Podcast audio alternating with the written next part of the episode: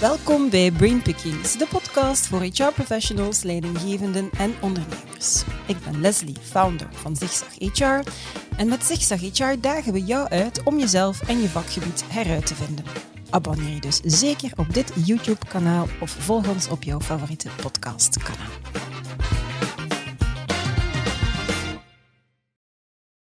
Podcast over leren en ontwikkelen, over het strategisch belang daarvan en waarom het loont om daarbij over het muurtje te kijken.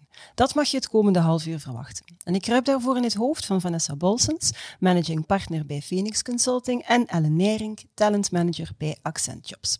Vanessa is een HR-professional puur sang. Ze heeft haar HR-strepen onder andere verdiend bij VF Corporation als HR-director Jeanswear EMEA en bij British uh, American Tobacco. En bij Phoenix Consulting helpt ze bedrijven in hun employer journey als partner in inclusief talent management, talent assessment and development centers, leadership development, blended learning en coaching. Ellen heeft een achtergrond als logopediste en stottertherapeut voor kinderen. En zij ziet daar trouwens onwaarschijnlijk veel parallellen met talentmanagement. En ondertussen is ze zes jaar aan de slag bij Accent Jobs, waar ze doorgroeide naar de rol die ze vandaag opneemt. Als talentmanager staat ze in voor de ontwikkeling van alle medewerkers bij Accent Jobs. Twee learnetics die gulzig in het leven staan als het gaat over het verwerven van nieuwe inzichten en kennis. Hoe kan je als bedrijf leren faciliteren? Waarom is het zo belangrijk om nieuwsgierigheid bij medewerkers te stimuleren? En waarom loont het om over het muurtje te kijken en samen met professionals uit andere bedrijven te leren? Welkom. Dag dames. Goedemiddag. Goedemiddag. Goedemiddag, alles goed met jullie? Zeker, dank u. Jullie zien er zo happy uit. Het is Brede lente. glimlach. Het is lente. Ja, ja, Blij om hier te zijn. Hè? Ah, maar voilà, ik ben ook blij dat jullie eh, hier zijn. We gaan, er, eh, we gaan erin vliegen, is dat goed? Zeker. Ja. Vanessa, mag ik bij jou beginnen? Graag. Als kind las je stiekem boeken in bed, heb je mij verteld. Ik heb gehoord dat je ook nogal kunt opgaan in Trivial Pursuit, dat je daar toch wel redelijk competitief eh, in, in bent. Jij ademt leren. Hè? Hoe uit die honger naar leren zich vandaag in jouw professionele leven en waarom is dat volgens jou zo belangrijk om te leren? Ehm, ja, dat leren, dat, dat, dat boeken lezen, dat is er nog altijd. Mhm. Niet meer met de zaklamp onder de, Dat onder meer. dekbed. Dat moet niet meer nu. ik, mag, ik moet dat nu niet meer in het niet doen. Ehm, maar nog altijd heel veel boeken lezen. eh, alhoewel dat ik eerlijkheidshalve moet zeggen, eh, met twee kinderen die in huis rondlopen, dat er ook zo wat een... een ja, wat een opeenstapeling is Ja. van boeken die niet uitgelezen geraken, waar ik graag eens een, een tijdje vakantie voor zou eh, Mhm. willen. Eh, ik ben trouwens bezig in een boek dat Ellen mij heeft aangeraden. Over eh, hoe dat psychologie en neurowetenschappen eigenlijk een impact heeft op eh, leren. En hoe dat je Mm. je trainingen eh, daar een stuk op kunt aanpassen. Dus super interessant. Dus ja, boeken lezen is nog altijd zo. Ehm, professioneel ook heel dat netwerkverhaal. dat is iets waar ik al jarenlang in investeer. Ehm, zowel HR-gerelateerd, hè, omdat dat natuurlijk mijn passie is, maar ook Mhm. daarbuiten.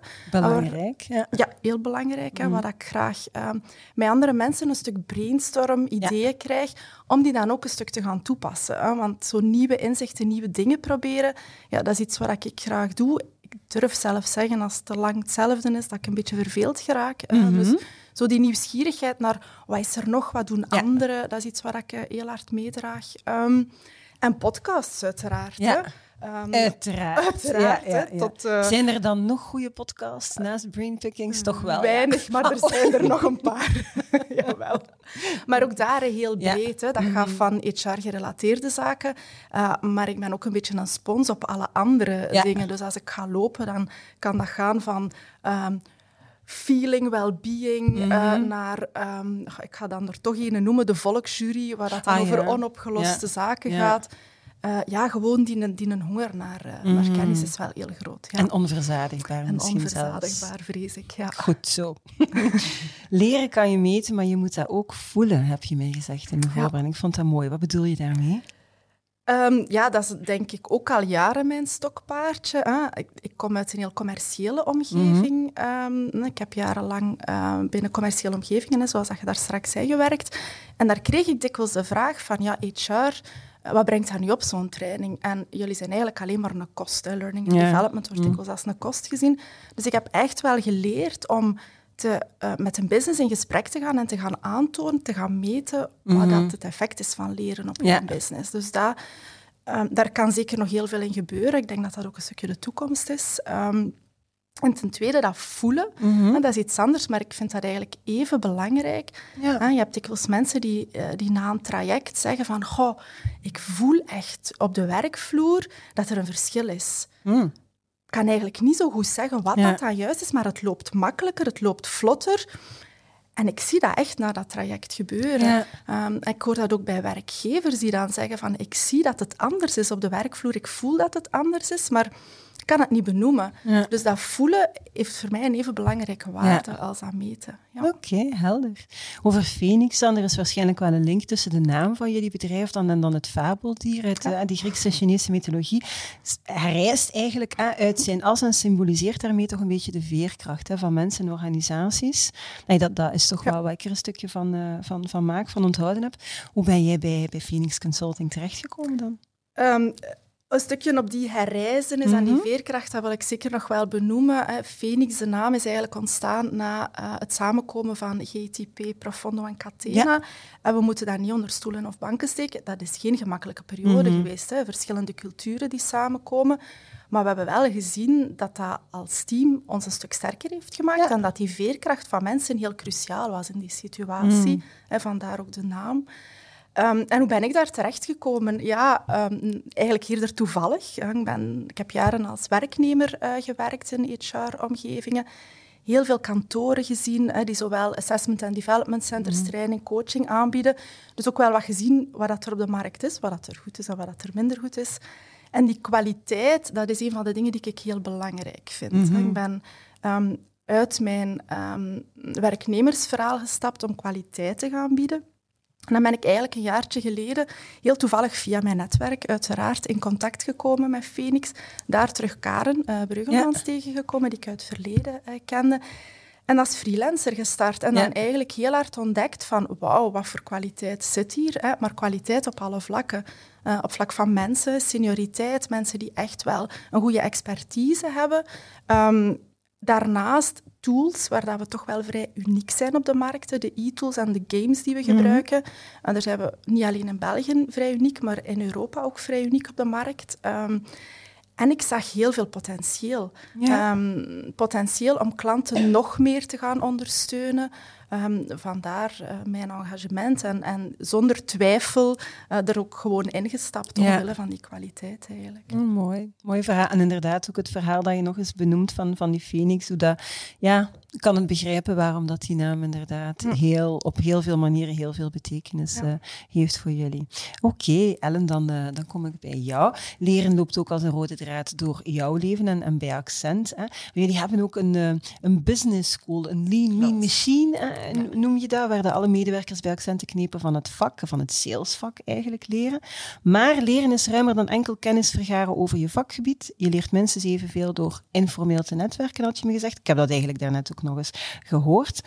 Hoe vertaalt gans dat verhaal zich dan bijvoorbeeld in de cultuur van Accent, in, in jullie talentstrategie? Ja. Nu, leren is heel belangrijk bij ons. Mm -hmm. Wij werven heel diverse profielen aan en mensen komen eigenlijk bij ons en leren hun vak. Mm -hmm. Leren de sales en dan hebben we inderdaad die Lean Mean Machine, onze Accent Business School, die daar helemaal voor in staat. Vanaf dag één, jouw eerste werkdag bij Accent, is al een opleidingsdag. Ja. Dus dat zegt eigenlijk al veel. En we doen dat heel bewust, omdat we eigenlijk vanaf dag één mensen willen samenbrengen mm -hmm. en die communities al een beetje gaan stimuleren en gaan creëren. Ja. Want die mensen die komen uit een andere werkervaring, uit een andere wereld heel vaak. En we brengen die samen. Ze zitten, ja, they're in the same boat. Ze zitten in hetzelfde verhaal, delen hun successen, delen ook ja, hetgeen wat soms wat minder loopt, wat wat moeilijker loopt. En eigenlijk daar krijgen zij een persoonlijk ontwikkelingsprogramma om de job als consultant, als recruitment consultant, als account manager aangeleerd te krijgen. Dat is heel belangrijk. En dan daarnaast heb je natuurlijk tijdens het werk hè, van je collega's op kantoor, dat je heel veel leert. En wij stimuleren dat ook. Hè, dat mensen echt dat buddyschap gaan opnemen, mm -hmm. collega's helpen, dat informele, maar dan ook op regioniveau. Heel vaak gaan de regiomanagers dan learn, teach, do's vragen van mensen die het heel ja, goed tof. gedaan hebben. Mensen kunnen het dan ook nog eens navertellen, wat ze geleerd hebben, wat het rendement op leren ja. uiteraard ook gaat, uh, gaat gaan vergroten. En dan vanuit HR, dan gaan we heel vaak aan die soft skills werken. Mm -hmm. Maar wij hebben heel vaak mensen die vlak na school of een eerste, tweede werkervaring bij ons starten. En dan zeggen wij vaak van, ja, wat wil jij worden als je groot bent? Hè? Welk talent wil jij gaan ontwikkelen? Of wat zijn jouw talenten? En samen dat kunnen ontdekken, hè, dan, die, dan dat zelfinzicht gaan werken, die persoonlijke ontwikkeling, ontdekken wat ze willen worden als ze groot zijn en dan kijken of dat bij ons kan. Hè? Heel mhm. fijn. Ja, dat is wat we daar ook nog eens aan toevoegen. Dus we gaan eigenlijk heel vaak elkaar gaan opzoeken, communities creëren. We gaan samen voor experiences, dat is onze cultuur. Wij feesten ook heel graag welk bedrijf kan zeggen, wij hebben ons eigen festival. Dus die experiences, dat trekt zich heel sterk mhm. door. Wij vieren samen, uh, we troosten elkaar, we leren samen. En dat maakt wel dat dat heel sterk leeft ook. Van, ah, heb je die opleiding al gehad? Je moet die echt eens gaan volgen. Ik heb dat daar geleerd. Mhm. Dus dat is wel iets, dat is onze rode draad. Nu, wij geven, onze strategie bij Accent is, wij geven elke accenter het ownership. Van kijk, jij zit aan het, aan het stuur van jouw carrière, maar natuurlijk, als organisatie heb je dan ook wel de verantwoordelijkheid om de middelen te bieden. Mhm. Om mensen de kans te geven om opleidingen te volgen, om stappen te kunnen zetten in hun carrière, om een nieuwe rol te gaan opnemen, om een keer over het muurtje te gaan kijken in een ander departement en een soort stage of een internship te gaan doen. En dat is wat wij doen. En dan merken we van, dan krijg je cross-departementaal kennis die, die doorheen je organisatie vloeit. En dat is ongelooflijk sterk. Dus dat is eigenlijk mhm. waar wij wel voor staan. Ja, knap, mooi, helder, toegelicht en heel enthousiast ook. Ja, zo zijn we ook wel een beetje. Ja, ja, absoluut. Zo ken ik jullie ook. Um, nu, door of dankzij corona zijn we in een, uh, ja, in een nieuwe werkrealiteit terechtgekomen, waarin werken, maar ook leren op afstand wel voor een stukje behouden zal blijven. Het idee dat we hadden dat leren alleen maar op de werkvloer kan gebeuren, eigenlijk klopte dat niet. Heel veel bedrijven zetten ondertussen ook in op online leren, mobile bite-sized learning. En uiteraard is dat heel, heel zinvol, heel belangrijk, heel goed. Maar dat is niet genoeg. Wat dat je echt nodig hebt om te leren is tijd, hebben jullie mij gezegd in de voorbereiding. Vertel eens. Nu ja. kijken ze alle twee. Wie eerst? Ja, wie eerst? Ja, ik denk, zoals dat je zelf hmm. zei, um, Leslie, um, tijd is heel cruciaal. Als we nu zien wat er de afgelopen jaren gebeurt, kunnen we niet meer ontkennen uh, wat we al sinds 15 jaar of 20 jaar VUCA noemen. Ik denk dat dat al heel mijn carrière meegaat. Heb ik nu echt het gevoel dat dat pas begint te leven. Uh, we zitten in een continu veranderende wereld. Wat dat vandaag realiteit is, dat bestaat mm. morgen gewoon niet meer, bij wijze van spreken. Um, dus we moeten echt wel op zoek naar een stukje talent voor de toekomst, kwaliteiten die die opportuniteiten, en ik begin bewust bij opportuniteiten, maar ook bedreigingen, mm kunnen gaan zien.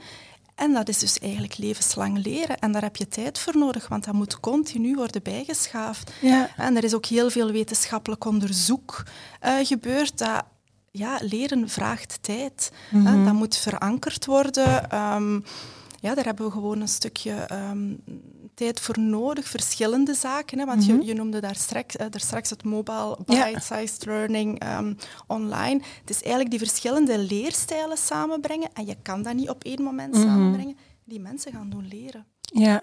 Mhm. Klopt, ik, ik, sluit me hier uh, volledig bij aan. Uh, tijd hebben we nodig en we hebben um, een manier nodig waarop dat mensen zin krijgen om te leren. Mm de, de, tijd waarin dat we mensen uh, tien dagen per jaar in een grote aula samenbrachten om dan zoveel mogelijk communicaties en dan een, een, een, keynote te brengen en dan hup, we zijn terug goed voor een paar maanden. Ja, dat is passé. Ja. ik denk dat we echt wel moeten kijken van oké, wat zijn de noden?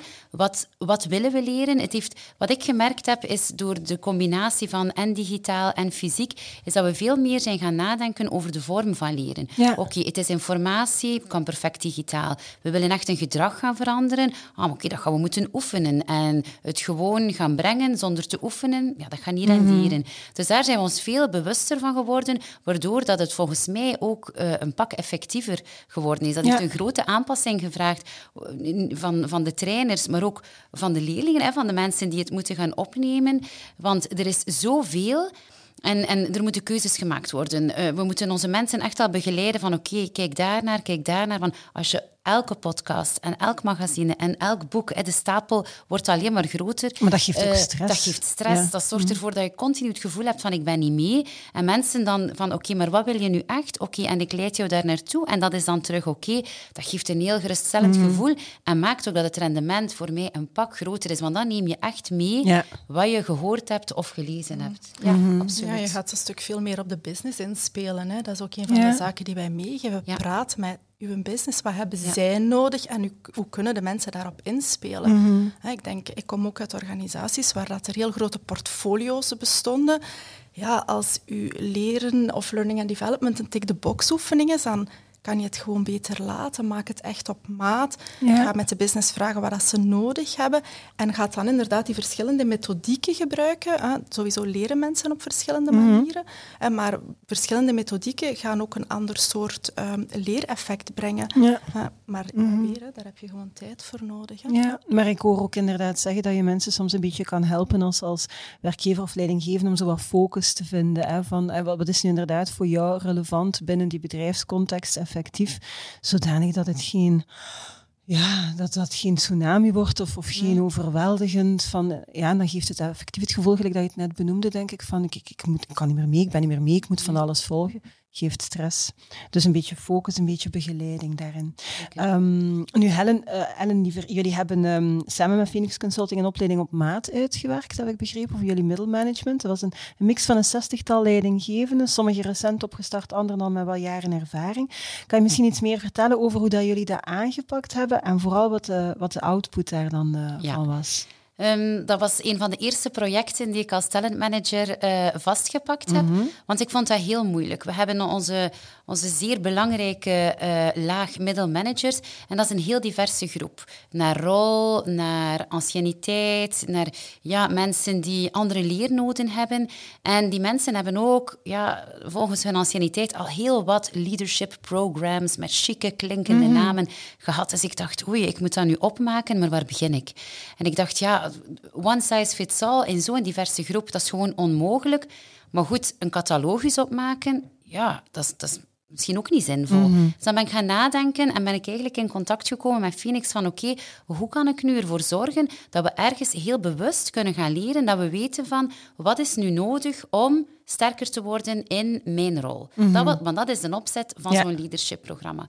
Dus wat hebben we dan gedaan? Ik ben eh, naar het managementteam gestapt met een competentiewoordenboek en heb hen de vraag gesteld, oké, wat zijn nu de negen cruciale competenties die een middelmanager moet hebben om mm te kunnen starten en om deze rol te kunnen opnemen, ongeacht in welk departement.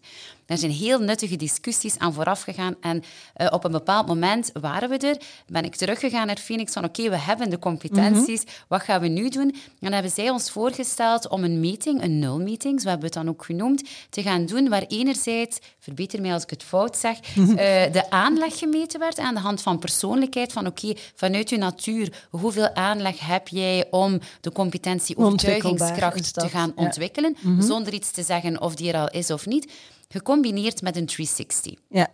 En waar we konden zien van oké, hoe vaak zie ik in jouw gedrag deze competentie? Dit werd dan gecombineerd en dan kregen we een rapport waar we eigenlijk een heel overzichtelijk kwadrant kregen van oké, dit zit in jouw aanleg, die competentie, en die toon je heel veel blijven doen. Volhouden. Ja. En kijken waar kunnen we verbreden. En anderzijds zagen we ook van oké, dit zit in jouw aanleg, maar we zien dat nog niet veel. Dus daar liggen heel veel leerkansen. En dan hadden we ook ja, competenties die niet zozeer in de aanleg eh, aanwezig waren, maar die wel heel sterk getoond werden, omdat die geleerd zijn. Maar dat is wel wat moeilijker, maar je kunt die leren. En dan hadden we andere ja, die niet aanwezig waren in aanleg en die ook niet getoond werden. En daar gingen we dan kijken, waar kunnen we ondersteunen? Ja. Hoe cruciaal is dit voor jouw rol? En zo zijn we eigenlijk echt vanuit de rechterkant van het kwadrant zijn we gaan kijken van oké, waar liggen die, die, die, die kansen hier, waar dat we energie gaan geven aan dat middelmanagement? Want als je iets kan leren en je voelt dat dat goed gaat, Ja, ja. dan krijg je energie van en dan heb je zin ja. er meer. Hè? Eh, en zo hebben we eigenlijk de 60 mensen een gesprek gegeven. Ze hebben echt aan tafel gaan zitten om te praten over skills, over vaardigheden binnen hun rol en waar de leerkansen lagen. Volgende stap was dan een leerprogramma aanbieden en dat was heel divers. Dus wel gebaseerd op de negen competenties van oké, dit zijn de opleidingen die hierbij passen. En dan konden de mensen na de terugkoppeling en na de aanbevelingen die wij gedaan hadden, gaan kiezen van oké, dit is voor mij het programma dat ik ga volgen. Dus dat was heel individueel, Ja. heel bewust op vaardigheden ja, gebaseerd en vanuit sterktes. Ja. Dus we hebben dat eh, het eerste jaar gedaan. Nu zitten we in jaar twee. Dus hebben we opnieuw een programma met dezelfde competenties. En dan zagen we als mensen hun keuzes moesten maken, dat ze hun nulmeeting er terug bij namen. Dat ze Oh, zeiden, ah, ik ga nog Ja. eens even kijken op wat ik nog wil inzetten, want nu eind dit jaar komt dan de postmeeting om te zien van oké, we hebben nu twee jaar daarop ingezet. Wat is er nu veranderd in het kwadrant? Waar, waar staan we nu? Wat zien we? Ja. de aanleg niet, maar de, de 360 vooral. Hè, wat verandert er hier? Om dan te gaan kunnen kijken naar het volgende programma. En het grote voordeel is dat er heel bewust geleerd wordt en dat mensen ja, in programma's zitten waarvan dat je op voorhand weet dat gaat goed zijn. Ja, ja. En, en dat is leuk, hè, want het kost extra tijd, uw, uw werk schuift wat op, het is druk, druk, druk bij iedereen, dat is altijd zo. Mhm. Maar de voldoening eh, die we hebben is wel eh, heel groot bij de mensen. Ja. Ja, heel knap. Nu, en in een volgende fase dan gaan jullie instappen in dan Grow Together. Dat is een, een opleidingstraject, een, een nieuw opleidingstraject Ja, nog, inderdaad, denk ik, ja. van, eh, van Phoenix Consulting, waarin de leidinggevenden uit verschillende bedrijven samen een ontwikkelingstraject gaan, gaan volgen. Leren over de muren van bedrijven heen. Hoe ziet dat eruit? Waarom hebben jullie dat precies opgestart, Vanessa? Waar zit de grote meerwaarde ten opzichte van andere De trajecten? grote meerwaarde zit dus inderdaad vooral dat we met, met verschillende bedrijven samenwerken. Hè. Als we kijken naar competenties die wij veel zien passeren vanuit onze Assessment and Development Center, dan zien we daar externe marktgerichtheid terugkomen, business acumen. Ehm, als ik eh, kijk naar mijn verleden ook eh, in de business, dan was altijd eh, een van de ja, doelstellingen van ja, we moeten weten wat dat de competitie doet, wat dat de markt doet. Maar eigenlijk wordt dat niet gefaciliteerd. Hè. En dat was eigenlijk de insteek om met dit verhaal te gaan starten, ehm, waar we eigenlijk mensen van verschillende bedrijven gaan samenbrengen rond op dit moment twee thema's, leiderschap en communicatie. Waarom? Omdat dat twee Ja. ja, bon, ik moet het waarschijnlijk de ook twee topics, zijn, ja, de twee ja. Mhm. topics. Maar ik denk dat er zeker nog wel andere topics kunnen zijn. Maar dat dat echt wel de topics zijn waar we mensen kunnen samenbrengen. En waar ze van elkaar kunnen leren. Ehm, en hoe bouwen we dat dan op? Hè? We gaan een stukje, ehm, hè, zoals dat we hiervoor al zeiden, die, die verschillende leerstijlen gaan Mhm. samenbrengen. We hebben een online leerplatform eh, waar dat we een aantal handvaten bieden eh, rond die verschillende eh, topics. Ehm, en die gaan we afwisselen met die heel interactieve korte momenten waar we die mensen samenzetten en waar we eigenlijk ehm, als coach dat gewoon gaan faciliteren. Ja. In de diepte gaan, met hun eigen cases gaan eh, eh, laten komen, om ze van elkaar te doen leren. Ja. Huh? Het stukje over het muurtje kijken, wat doen anderen en hoe kan ik dat toepassen Ja. in mijn context. En dat is mijn ervaring en dat, dat is ook verschillend onderzoek naar gebeurd. Hè. Sociaal leren, van elkaar leren, is nog altijd hetgene waar dat het meeste blijft plakken. De- het, het, het fenomeen van een trainer die voor de klas staat, dat gaat de komende jaren echt wel volledig verdwijnen. Dat zijn Ja. meer facilitators. En dat was eigenlijk de reden. Het tweede aspect wat dat heel sterk is aan dat programma, is dat die ehm, online momenten... Dat is eigenlijk een stuk adap- adaptief leren. Ja, ik denk dat we allemaal de situatie kennen, dat we naar een training gaan en de eerste halve dag denken, ja, dit heb ik al gezien. Ja, tijdverlies, verdorie Tijdverlies, toch. Ik had Ja. iets anders kunnen doen. En eigenlijk gaan we daar een stukje... Hè, we bieden verschillende modules aan, maar we gaan wel wat starten met een test. Mhm. Om te zien van wat is het niveau van die persoon al, zodanig dat hij een heel stuk misschien al niet meer moet doen. En echt wel start van waar dat zijn kennis nog een stuk moet opgebouwd worden. En dus daar is de tijd eigenlijk eh, ja, heel effectief, want je gaat alleen maar krijgen wat dat je nog nodig hebt. hè. ja, ja. Dus die combinatie ehm, ja, is toch wel vrij weer uniek op de markt. Ehm, en voelen we ook wel dat er ehm, nood is op de markt om dat te doen. Maar we moeten ook niet onder stoelen of banken steken dat er ook wel wat schrik is. Hè? Want we krijgen ook wel de vraag van... Ja, maar zo mensen van verschillende bedrijven en welke kat en de melk ze- en ja, zo? Inderdaad. Ja. Dat is toch Ja. wel eh, een risico. Maar wij ervaren dat uiteraard niet zo. Nee. En, en heb jij dat dan effectief ook, dat, dat gevoel, Ellen? Van ja, jullie gaan er dan aan deelnemen. Wat als het elders beter is en ze vertrekken? Dat is wel heel vervelend, toch? Oh, nee. Eh, het katje bij de melk zetten, dat doe ik hiermee niet.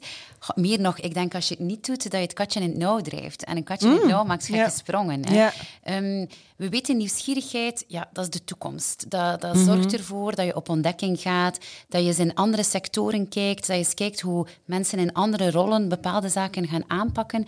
Dat inspireert jou, dat zorgt dat je kennis opdoet. En uiteindelijk word je er beter van als organisatie, want er komt innovatie binnen, er Ja. komen nieuwe ideeën binnen, een frisse wind. Je bouwt een heel boeiend netwerk op, waar dat je ook weer eh, van alles mee kunt gaan doen. Dus wij zijn alleen maar fan eh, hiervan. Want ik geloof er echt niet in als je heel krampachtig vasthoudt om mensen op hun stoel vast te binden binnen hun eigen rol voor de komende honderd jaar. daar, eh, daar geloven wij niet in. Want dan, ja, interne mobiliteit hou je voor een stuk tegen. Ja, ja. Maar interne mobiliteit, als je zo krampachtig vasthoudt, dan wordt dat ook externe mobiliteit. Ja. Want dan gaan mensen stiekem op ontdekking. Want wie nieuwsgierig is, die wil dingen leren Ah, ja. en die gaat op zoek. Ja. Dus nee, ik, ehm, ik heb geen schrik hiervoor. Nee, oké, dat- heel duidelijk. Ja, het is ook gewoon een stuk tegenstrijdig, hè, want je, je hoort langs de ene kant eh, bedrijven zeggen we zijn op zoek naar nieuwsgierige mensen, naar innovatieve mensen die een frisse wind eh, brengen, maar we mogen ze wel niet in Nee. andere bedrijven binnenlaten. Nee, ja. dus dat klopt dat niet. hè. klopt eigenlijk Nee. gewoon niet. Hè. Eh, dat is waar. Ehm, ja, leren door over het muurtje te kijken, dat kan je dus inderdaad doen door mensen samen te brengen in zo'n en een lerend netwerk, een community, over de bedrijfsgrenzen heen. Maar ook binnen de muren van een bedrijf kan je natuurlijk mensen laten leren van elkaar. En ik stel vast dat dat in heel veel organisaties nog altijd niet genoeg gebeurt, dat er nog heel veel silo's zijn. Jullie proberen dat in ieder geval, Ellen, al te doorbreken door teamleaders van de verschillende domeinen samen te brengen en hen ook te laten leren van elkaar. Kan je daar zo kun je een voorbeeld van geven? Of ook wat dat, dat opbrengt? Dan heb, je- heb je daar dan effecten van, van als organisatie, dat je daar sterker en beter van wordt als bedrijf? Nu, het is eigenlijk gekomen, ehm, ja, corona, telewerk, niemand ziet elkaar, Mhm. nieuwe mensen starten op, kennen hun collega's niet. En het gevoel van, ja, iedereen werkt in zijn eigen silo, op zijn eigen verdiep, hè, vanuit zijn eigen bureau, eh, dat was wel heel sterk aanwezig. Dat hoorden we vanuit EVO's, hè, want wij deden ook zo wel eens een rondje hè, vanuit HR om een keer te horen op hoofdkantoor van wat leeft er hier. En dan dacht ik van, ja, dat, dat kan niet zijn. Dat mag zo niet, dus ik wou absoluut die silo's gaan doorbreken. En dan hebben we eh, per kwartaal hebben we een teamlead talk. En wat is het leuke daaraan? We hebben mensen met eh, grote verschillen in seniority, grote verschillen in de grootte van de teams die ze aansturen, in de verantwoordelijkheden die ze hebben. Maar wat hebben ze gemeenschappelijk? We zitten in dezelfde organisatie, dezelfde context en dezelfde issues die, eh, die je als leider tegenkomt. En ik dacht, we brengen die mensen samen en we gaan op voorhand vragen van oké, wat zijn de dingen waar dat je nu mee struggelt, waar wil je het over hebben? En HR zal dan wel een topic daarover brengen. En dan hadden we het over eh, jobcrafting, hoe kan ik dat doen, hoe kan ik mijn rol verruimen, wanneer spreken we over een doorgroei, hè? wanneer kan je level stijgen, wanneer is eerder een verruiming. En dan gingen ze eigenlijk sperren met elkaar en er was geen goed of fout, er was vooral ook geen oordeel. En wat ik vooral wou stimuleren, is daar dat die mensen tussentijds ook contact zochten met elkaar. Ah, ja. En dan zagen we dat gebeurde. Dan zag ik plots dat in meetingrooms teamleads van verschillende departementen samen zaten. Ik dacht van, ah, oké, dat is al goed. Ja. Maar eigenlijk is het, eh, en dat is zeker niet de verdienste van HR, dat is de verdienste van de sterkte van de groep, is het nu zo geëvolueerd een jaar later dat mensen niet alleen zelf het topic aangeven waar ze het willen over hebben, maar ook de inhoud brengen. Dus zo is er bijvoorbeeld deze week een teamlead talk gepland en iemand van IT die gaat nu eh, principes vanuit Scrum gaan toelichten, omdat dat heel wat eh, voordelen heeft bij hybride Ja. werken. Want in een vorige teamlead talk kwam naar voren, ja, dat hybride werken, die meetings, eh, ja, de helft fysiek, de helft digitaal, dat werkt niet bij ons. Hoe doen we dat? Ah, maar ja, wij doen dat al altijd zo. Ik ga die principes toelichten en kijk, deze week gaat Ah, dat door. Dus Ja. het enige wat wij vanuit HR nu nog doen, is faciliteren en de mensen samenbrengen. En de rest gebeurt daar en dat is ongelooflijk zinvol. En dat zorgt er ook voor dat je ook daar weer dat informele, dat sociale Mhm. leren eh, heel sterk tot stand brengt. Ja, ja, knap. En het is inderdaad een combinatie van al die zaken samen. Maar je ziet, je hebt altijd eerst wel zo iemand nodig, HR of learning die een pushje geven, een klein duwtje in de goede richting. En een keer dat de mensen er de meerwaarde van inzien, dan zijn ze vertrokken. Hè? Dan eh, Ja. is er misschien zelfs geen houden meer aan. Nee, ja. nee, Ehm, nu, mensen vrijstellen om eh, een opleiding te volgen, is ja, toch zeker in een blue-collar omgeving geen evidentie. Het kost dubbel en zoveel geld. Dus opleidingsverantwoordelijken moeten zeker kunnen aantonen dat opleidingen renderen. Ehm, ja, in eerste instantie, hoe, hoe ga je dan blijvend impact hè, genereren? Hoe zorg je ervoor dat die medewerkers ook effectief, ja, wat ze geleerd hebben, dat ze daarmee aan de slag eh, gaan? Hoe, hoe, hoe ga je die dingen in kaart brengen? Hoe ga je daarmee, heel specifiek voor die populatie, hoe ga je daarmee aan de slag? Maar heel, ik, ik, ik wou er juist eigenlijk al toevoegen, wat dat bij Accent gebeurt op teamleaderniveau, is ook bijvoorbeeld iets wat wij doen bij arbeiders. Ehm. Ik, ik zou daar eigenlijk geen onderscheid in durven maken, Mooi. omdat de manier waarop dat zij leren is eigenlijk vrij gelijkaardig. Al zou ik zeggen dat ze toch nog liever veel meer actiegericht Ja. hebben. Hè? Maar we zijn momenteel binnen één grote bouwbedrijf die verschillende bedrijven hebben opgekocht, een leiderschapsrijk voor voormannen eh, gestart. En we brengen eigenlijk um, voormannen van verschillende vestigingen in België samen op die training uh, om een stuk rond leiderschap te praten. Maar het belangrijkste is weer dat sociaal leren. Een, een, leren van, oké, dit heb ik al meegemaakt in mijn team. Hoe zijn jullie daarmee omgegaan? Um, en dat is wat ze gaan toepassen. Uh, en we gaan ook wel elke sessie, komen we terug op, oké, wat hebben jullie vorige keer geleerd? Wat heb je ermee gedaan? Um, ze heel hard in actie zetten. Maar ik zou niet durven zeggen dat er zo'n zo'n groot verschil is. Ja. Um, ja, het kost geld om ze uit de business te halen, maar het brengt zoveel meer op. Want uh, zij wisselen zelf, het is heel grappig hoe dat ze telefoonnummers zaten uit te wisselen tijdens de training al. Ik ga u bellen, want ik wil het nog eens over dat hebben. Uh, dus dat mm alleen is al zoveel ja geld waard, want ze lossen hun problemen zelf op. En er is gewoon ook heel veel honger bij hun om daarmee aan de slag te gaan. En als je een heel concrete zaken geeft, ja, dan werkt dat heel mhm. goed. Hè. Laat ze niet een hele dag op een stoel zitten, naar een presentatie kijken, maar ga ertussen staan, laat ze dingen ervaren, spelen rollen spelen, waar dat ze gewoon een dag nadien op de werkvloer mee aan de slag, aan de slag kunnen. En dat is wat ja. werkt. Ja, maar ik denk inderdaad dat er niet zozeer een verschil moet zijn en dat we een beetje af moeten inderdaad van en, eh, die mensen leren zo en die leren zo. We, gaan, we hebben nog altijd de neiging om mensen in hokjes te, mm. te willen duwen. Uh, wat ik er eigenlijk een stukje mee wil aantonen is dat als je met kenniswerkers, de klassieke kenniswerkers, je haalt die even van een project en ze zullen dat dan s'avonds eventueel in, ook al is dat niet de bedoeling. Hè. Maar het gaat... Um, het gaat minder niet vast zijn voor je businesscontinuïteit als je een kenniswerker samenbrengt met andere kenniswerkers dan als je iemand aan de band mm. weghaalt. Omdat dan gewoon, ja, ik bedoel, die persoon, als je die weghaalt, is een deel van dat proces om zeep. Dus dat was een stukje mijn, mijn bedoeling van hoe ga je daar uh, mee om. Daar moet het nog meer renderen. Dan moet je nog meer kunnen aantonen dat het loont om die mensen op te leiden. Want ja, een deel van die een band ligt of een band ligt stil. Ja denk dat we, eh, als we zo een training starten, dan gaan we echt wel heel concrete doelstellingen van die training eh, mhm. gaan bespreken met de business weer van wat willen jullie eruit halen? Wat voor soort gedrag willen jullie zien veranderen? En dan gaan we daar concreet mee aan de slag. het is niet zo een, een vrijblijvende situatie, maar weer, dat is ook wat we met kenniswerkers doen. als je een, een training meetbaar wil maken, als je daar echt wil aantonen wat dat de return is die je daarvan krijgt, dan moet je die linken aan businessdoelstellingen. En als je dat doet, dan, dan ga je daar heel veel uithalen. En als je dat heel concreet kan maken voor hen, dan zie je het resultaat. Mhm. Kan je dat meetbaar maken in cijfers, hè, want dat is altijd de vraag. Ehm, dat kunnen we nog niet volledig en dat blijft zowel wat mijn ding. Ik blijf daar mhm. naar zoeken, want dat is nog wel mijn doel, denk ik, van mhm. hoe kunnen we dat nu heel meetbaar maken financieel. Ehm, maar ik ken toch wel heel wat bedrijven die ehm, het echt wel minder moeilijk beginnen vinden om de productie gewoon een halve dag stil te leggen van één lijn, om aandacht omdat aan die mensen, omdat ze zien dat dat op termijn gewoon veel, veel voelen weer, hè, dat ze aanvoelen van dat gaat hier gewoon veel gemakkelijker. Mhm. Door aandacht te besteden uh, ook aan hun, door ook aan te geven van die ontwikkeling is nodig op ieder mhm. niveau. Oké ben eigenlijk ook heel benieuwd naar jullie visie over de toekomst van leren en ontwikkelen. Wat, gaat, wat mogen we volgens jullie zo nog de komende jaren verwachten? Geen science fiction, maar zo concreet. Echt mocht science fiction als hmm. per se. Maar wat staat er ons nog te wachten als twee experten ter zake? heel uh, spannende tijden, mhm. leuke tijden, want uh, learning and development ligt op de tafel. Hè, dus uh, we moeten het vastpakken en ermee aan de slag gaan. Nu, wat ik denk wat zeker gaat gebeuren, we hebben het al besproken daarnet, is dat je als organisatie veel meer vormen moet gaan voorzien mhm. om te kunnen leren. En moet je echt wel op maat van de medewerker die learning gaan, gaan aanbieden. Dat kan niet anders. Hè. Digital, zowel fysiek als mhm. digitaal. Die trein die is vertrokken en nu moeten we zorgen dat iedereen ja, in de juiste wagon geraakt, zodanig dat we optimaal kunnen leren. En ik geloof hier heel sterk, hè, in sales spreken ze altijd over customer centricity. Mhm. Ja, hier geloof ik heel sterk in employee centricity.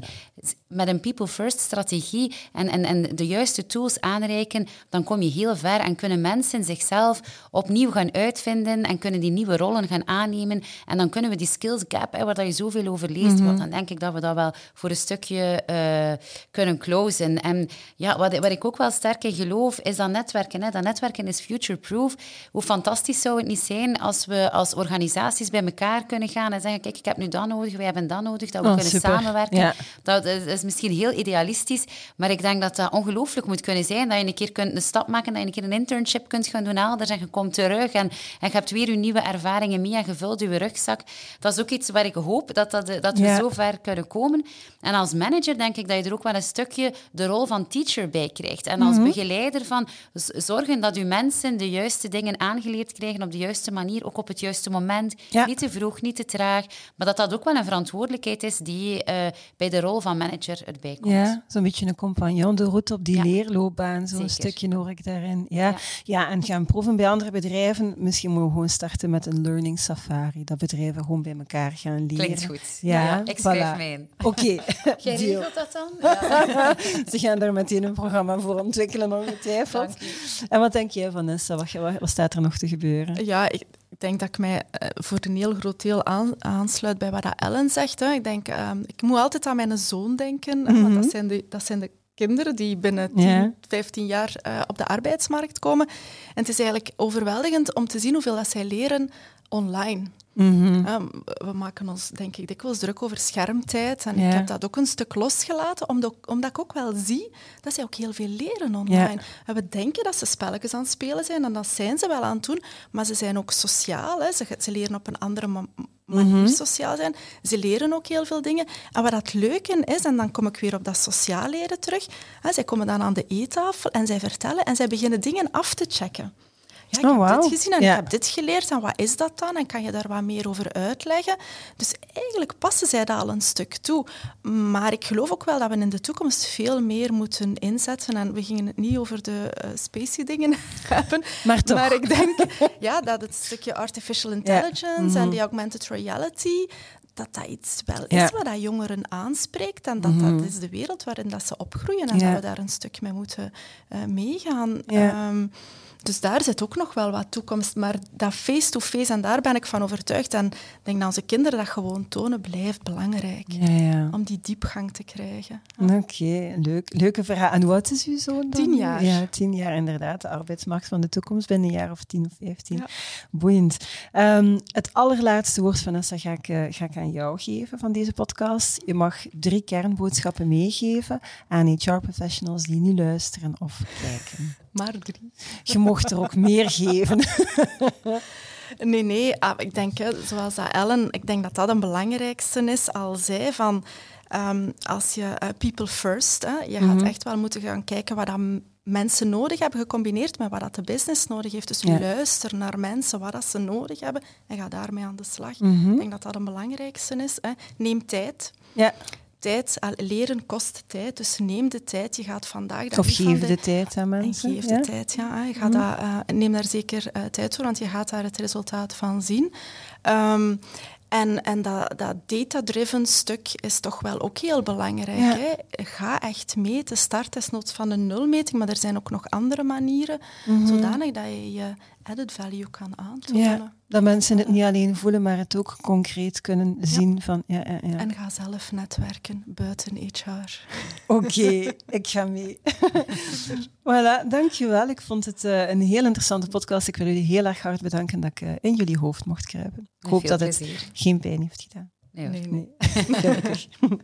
Dankjewel ook uh, aan jullie om te kijken of om te luisteren. Vond je deze podcast fantastisch? Vertel dat dan natuurlijk aan zoveel mogelijk mensen verder. Heb je honger naar meer? Kan dan eens altijd naar ons YouTube-kanaal gaan kijken. Of je kan ons abonneren, je, je abonneren liever um, op ons podcastkanaal. Daar staan er ondertussen, ik denk, 150 of 160 episodes van Brainpickings helemaal klaar om door je beluisterd te worden. Het allerbelangrijkste sluit ik elke podcast mee af. It's a great time to be in HR. Tot de volgende!